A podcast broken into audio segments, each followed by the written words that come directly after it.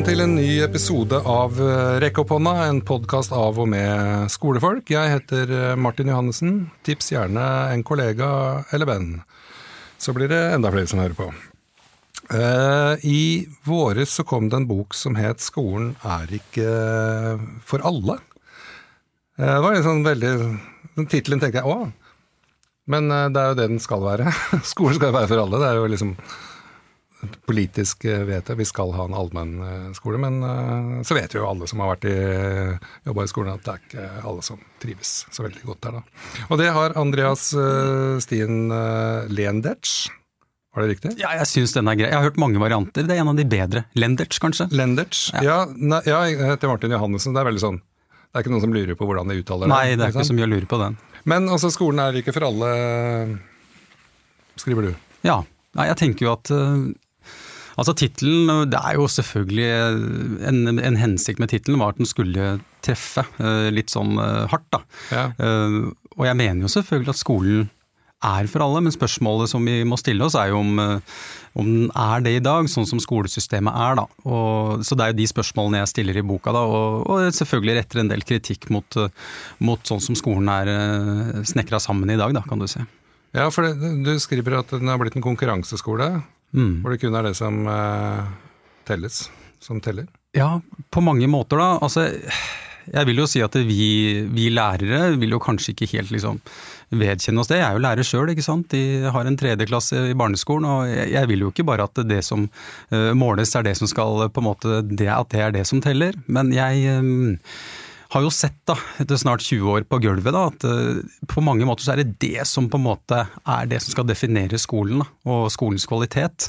Og jeg tror at mange elever stresses av uh, rett og slett uh, det liksom vurderingsregimet, mm. kan vi si, som jeg, som jeg oppfatter, oppfatter, at skolen er. Og jeg har hatt lyst til å være den stemmen nå, eller være i hvert fall en av stemmene, som går ut og sier at dette er ikke greit lenger, og vi trenger et systemskifte. Ja. Og Det er jo interessant også at det kommer fra en lærer på småtrinnet. Mm. For ofte så kommer jo disse mer fra lærere på videregående og men du, altså, du, er lærer på tredje trinn nå, men du har vært lærer i Nei, altså jeg, siden 2006. Da gikk jeg ut av det som den gang het Høgskolen i Oslo. Ja. og så har jeg vært uh, lærer siden, men jeg har vært ute av læreryrket kanskje i halvannet år til sammen. Prøvd liksom noe annet og holdt litt på. Jobba litt i media, til og med vært fotballkommentator i ti år ved siden av læreryrket. Så jeg har jo gjort en del, men jeg, jeg liksom kommer alltid tilbake igjen til læreryrket. og så føler jeg at det er her jeg på en måte hører hjemme. Uh, ingenting er jo absolutt, men jeg tror at uh, ja, nei, jeg, Så jeg har vært med en stund, da, og føler jeg har sett et stort bilde, kan du se. Men hvorfor blei du lærer? Jeg er selvfølgelig fra en lærerfamilie, da. Oh, ja. så, så, så, det er liksom det, det men, men, jeg skulle, jeg åpner jo boka med å si at jeg skulle i hvert fall ikke bli lærer. Nei. Og når mamma og pappa var lærer Fattern var jo lektor eh, i Oslo-skolen. Eh, min mor lærer i videregående i Oslo-skolen. Men, men det, det, var vel eh, Eh, litt sånn eh, ja, Når man var assistent og vikar rett ut fra videregående, så fant man ut at hm, det er kanskje noe for meg likevel. Så, ja, ja. Jeg, jeg, jeg jobba i platebutikk og skulle bli rockestjerne og sånt ja. Eh, i gamle dager. Jeg skulle jo ikke sette mine bein Nei. på en skole noen gang. Men det er litt pussig, for søstera mi har jo vært barnehagelærer da, og spesialpedagog. Ja. Storebroren min er lektor på, på videregående, jeg har jobba i, i, grunnskolen. Men ingen av våre foreldre var lærere, da. Nei. Hun var husmor, og fatter'n var snekker. Ja. Hva var grunnen til at du kom deg inn i læreryrket hvis du liksom ikke hadde plan i det hele tatt? Ja, Det kan du lure på. Det hadde sammenheng med at jeg fikk barn, faktisk. Ja. Uh, etter hvert som han blei sånn to-tre år, og sånn tenkte jeg men han kommer til å ha sommerferier, tenkte jeg faktisk. ja. uh, og, da, og jeg skal ha fire uker, og han skal ha åtte. Ja. Tenkte jeg var litt skeiv eh, fordeling. Tenkte mm. jeg hva kan jeg gjøre med det? Og så tok jeg rett og slett og utdanna meg til uh, lærer. Ja. Uh, ut fra det. Men så fant jeg ut at det var mye mer uh, i yrket enn den tvungen avspasering pluss ferie. Så det, jeg likte det veldig godt. Så da blei jeg der. Så jeg jobba jo i skolen i, i 18 år. Ja. Og vært mest på barneskolen. Og vært helt fra, fra de minste til de eldste. Mm. mm. Sånn er det. Men altså Eh, tilbake til skole og boka di. Liksom, skolen er eh, en sånn New Public Management-greie. Eh, altså skolen er, eh, er en bedrift. Mm. Ja, og det belyser jeg jo ganske eh, kraftig i boka, egentlig. Hvordan det har blitt at det drives som en bedrift. Det er markedsorientert, da. Og mm, jeg tror at vi, altså spesielt da etter dette PISA-sjokket i 2001, mm. Eh, kan vi kanskje se på som startskuddet for denne konkurranseskolen, den markedsorienterte skolen, hvor man tenkte at nå er norsk skole middelmådig. Man må på en måte rett og slett uh, riste teppet litt og, og, prøve noe annet. Og jeg tror at det har vært en, altså en stor tabbe, rett og slett, da, for norsk skole. Og ja. innføringen av nasjonale prøver. og har sett at dette har stressa mange elever. Selv om mange også aksepterer skolen, så er det jo litt for mange i disse dager som ikke aksepterer skolen. Og da er man også inn på dette med ufrivillig skolefravær òg. Ja, det, og, ikke sant. Og det, det, er jo på en måte et fenomen. Altså, det, har jo på en måte, det var der da jeg gikk på skolen på 70-tallet også. Eh, 80-tallet. Men det, har, det, virker som det har på en måte blitt en sånn uh, vekst. At New Public Management har gått inn, og alt skal være mer. Ja. Alt er i vekst, også skolefravær, liksom. Sånn, Uff a meg. Ja. Blir ikke det gærent? Mm, Men det, det, er, det, er, jo et faktum, da. Mm. Det og det er også et faktum at uh, mange trives så dårlig på skolen at de faktisk blir syke av det. Ja. Og det er jo det jeg mener å ha sett uh, selv. Altså jeg, jeg, kunne jo Jeg har jo ikke noe egentlig noe sånn det er jo ikke sånn at jeg vil svartmale skolen, eh, egentlig. Jeg syns jo det er mye bra som foregår i norsk skole. Det er mange gode lærere der ute. Jeg ser det hver eneste dag. Men jeg tror mm. vi er i en skvis i dette systemet mellom det som skal måles og vurderes, og, og egentlig den på en måte konkurransen som også blir gjennom ja, fritt skolevalg etter hvert og sånn. Mm. At vi, vi, har ikke gode nok løsninger da, for å ivareta alle, rett og slett. Og da, da, ser vi at det er eh, mange som faller utenfor. Og jeg tror at det ufrivillige skolefraværet, eh, det må vi, det må vi i stor grad skylde på skolesystemet. Jeg har uh, kommet dit hen at uh, vi absolutt ikke skal skylde på eleven selv, selvfølgelig ikke, og i hvert fall ikke, og heller ikke foreldrene. Fordi at det er såpass mange nå. altså Det er bankfolk, det er direktører, det er lærere selv ikke sant, som opplever dette her. Så, så her er, det er jo ikke sånn at det bare er noe i vannet ett sted. Nei, men da ble ikke sant, for det heter jo skolefravær, da. Mm. Uh, og det, det bare begrepet på en måte plasserer skyld et sted, gjør det ikke det? Jo. Hvor, hvor tenker du på en måte Nei, altså Jeg tenker kanskje at det er elevens feil, da, for den er ikke mm. her på skolen. og Derfor så mm. kaller vi det skolefravær, ja. fordi du ikke er her. Mm. Det kalles ikke elevfravær fordi skolen har gjort noe gærent. Ja, nettopp. Ja.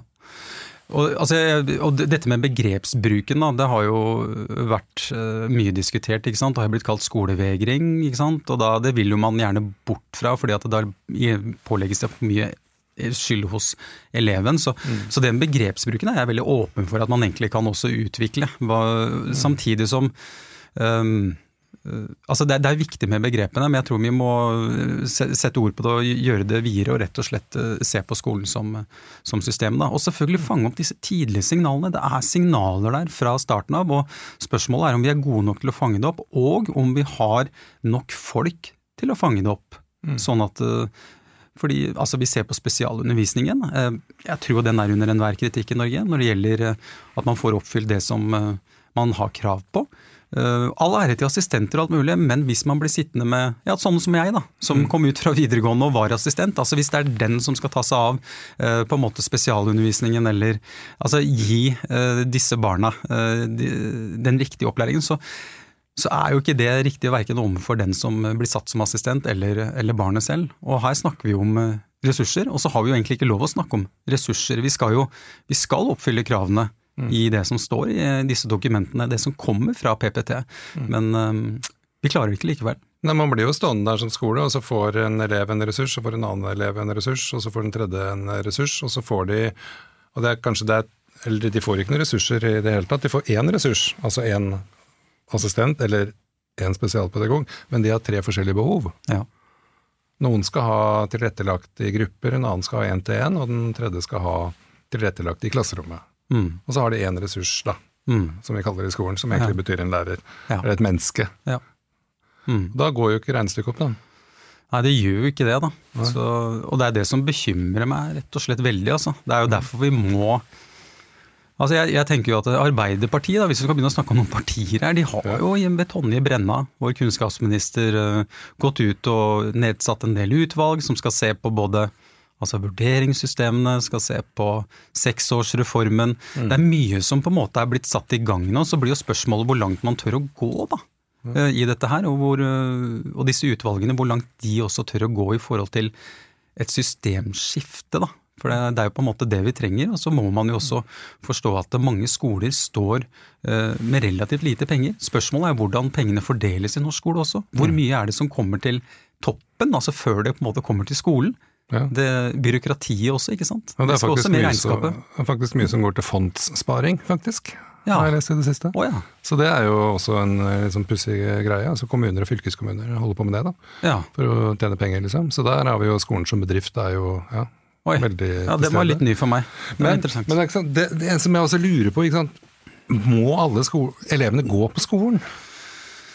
Det er jo en tanke jeg også har lekt litt med. Mm. Altså, skolen er ikke for alle, eller bør skolen være for alle? Altså, Skal vi ha alternative læringsarenaer? Skal vi ha Jeg kunne jo sett for meg at det var mer praktisk og variert, og at skole kanskje kunne hatt et Altså at vi hadde en bredere tilnærming til hva skole er for noe. Mm.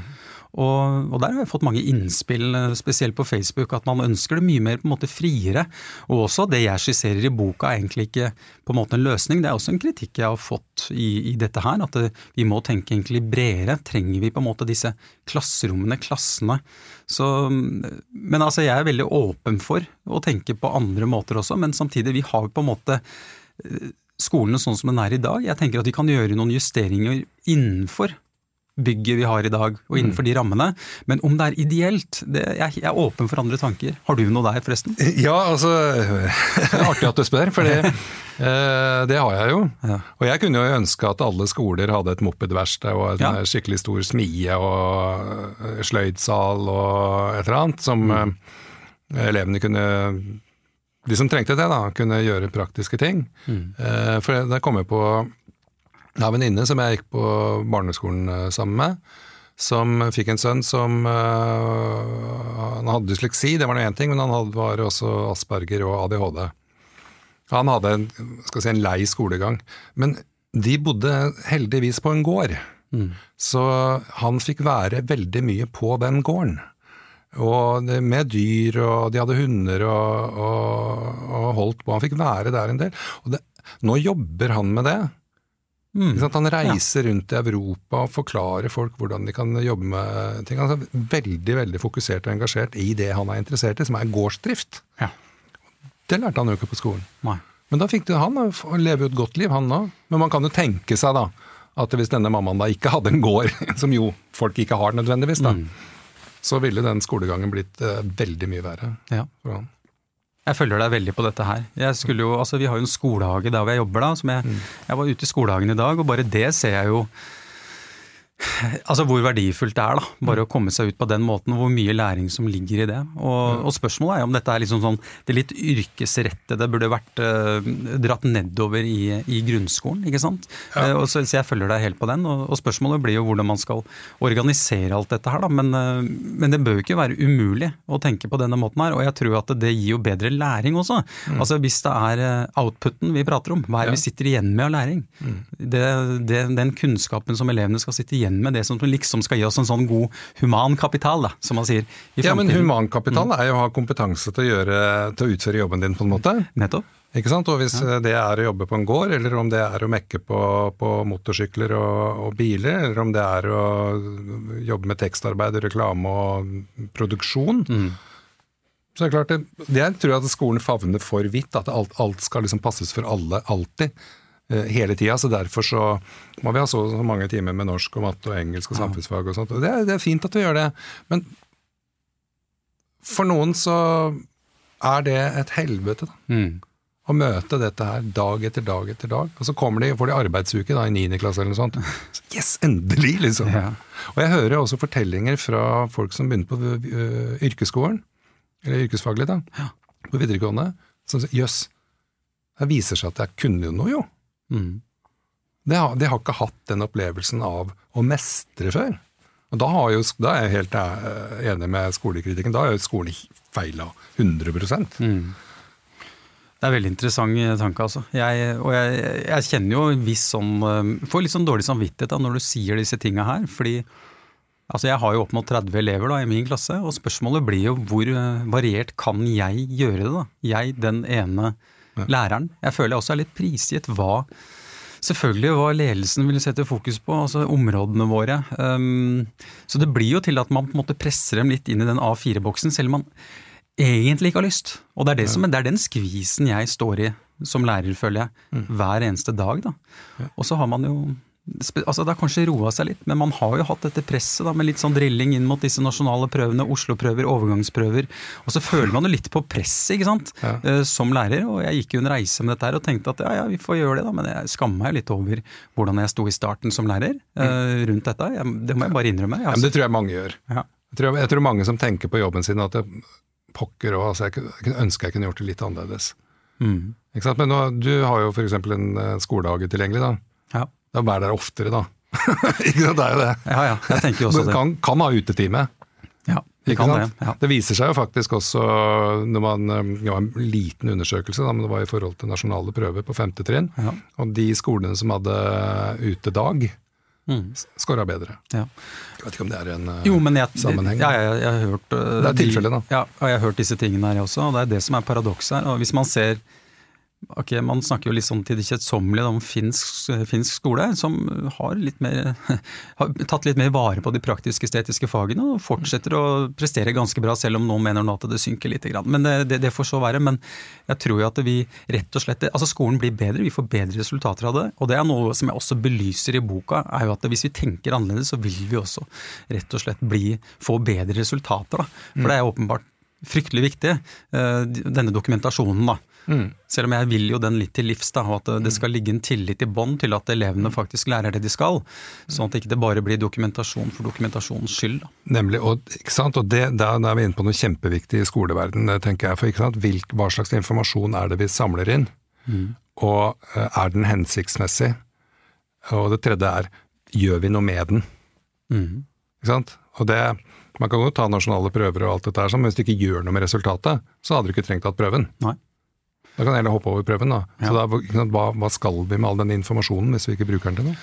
Ja, og, og det, det, er jo noe som jeg har stilt meg spørsmål om mange ganger. Og så vil man jo gjerne at man skal i etterkant liksom jobbe uh, der hvor skoen trykker, da. Men jeg mener jo å ha sett også at uh, nasjonale prøver, Oslo-prøver da, som vi har, overgangsprøver, ikke måler det de skal. Jeg har hatt elever som kan lese de, og dette har jeg sagt noen andre i andre, litt sånn på TV og sånn òg, men jeg har hatt elever som leser de tykkeste bøker i fjerde-femte klasse. Jeg veit at de er gode lesere, men de trenger bare litt mer tid. Mm. Og denne stafettpregede måten å ha prøve på. Du får seks-syv tekster, seks-syv spørsmål til, til, hver eneste tekst, og så hopper du fra det ene til det andre. Mm. Den er ikke lagd for alle. Og den er ikke nødvendigvis lagd for de leserne som trenger god tid, men som faktisk er veldig gode lesere. Og jeg har Nei. mange konkrete eksempler på elever som jeg måtte bare si vet du hva, du er mer enn god nok. Jeg vet hva du, hva du kan. Du kan bli forfatter i fremtiden, men akkurat denne prøven her, den var dessverre ikke lagd for deg, og det skal ikke jeg ta, ta så mye hensyn til heller, faktisk. Nei, ikke sant? og da tenker man jo at da kunne jeg ikke brukt den timen vi brukte på den prøven til undervisning isteden, da. Ja. Det har jeg tenkt mange ganger oppi ja. da. Mm. Det, er, det er jo det som Jeg mener det er det vi skal gjøre på skolen, ja, at vi skal undervise og mye, mye mindre grad teste. Ja.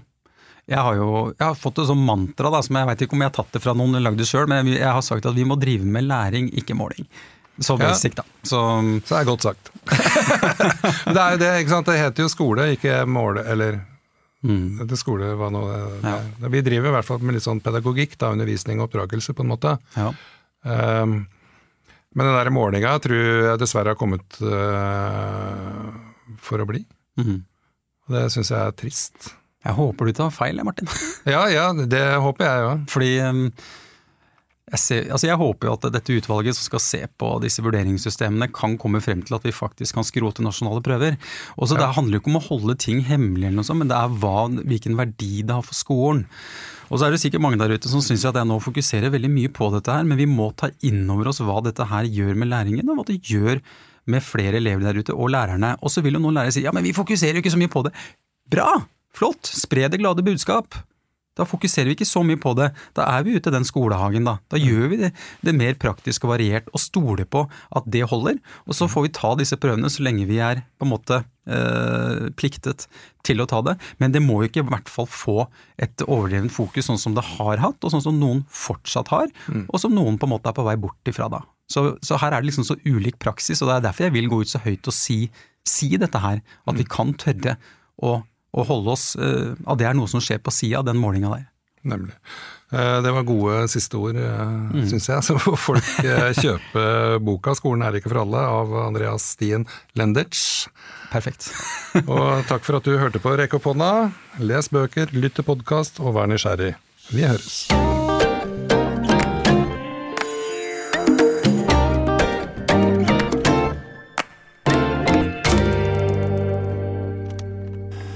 Produsert av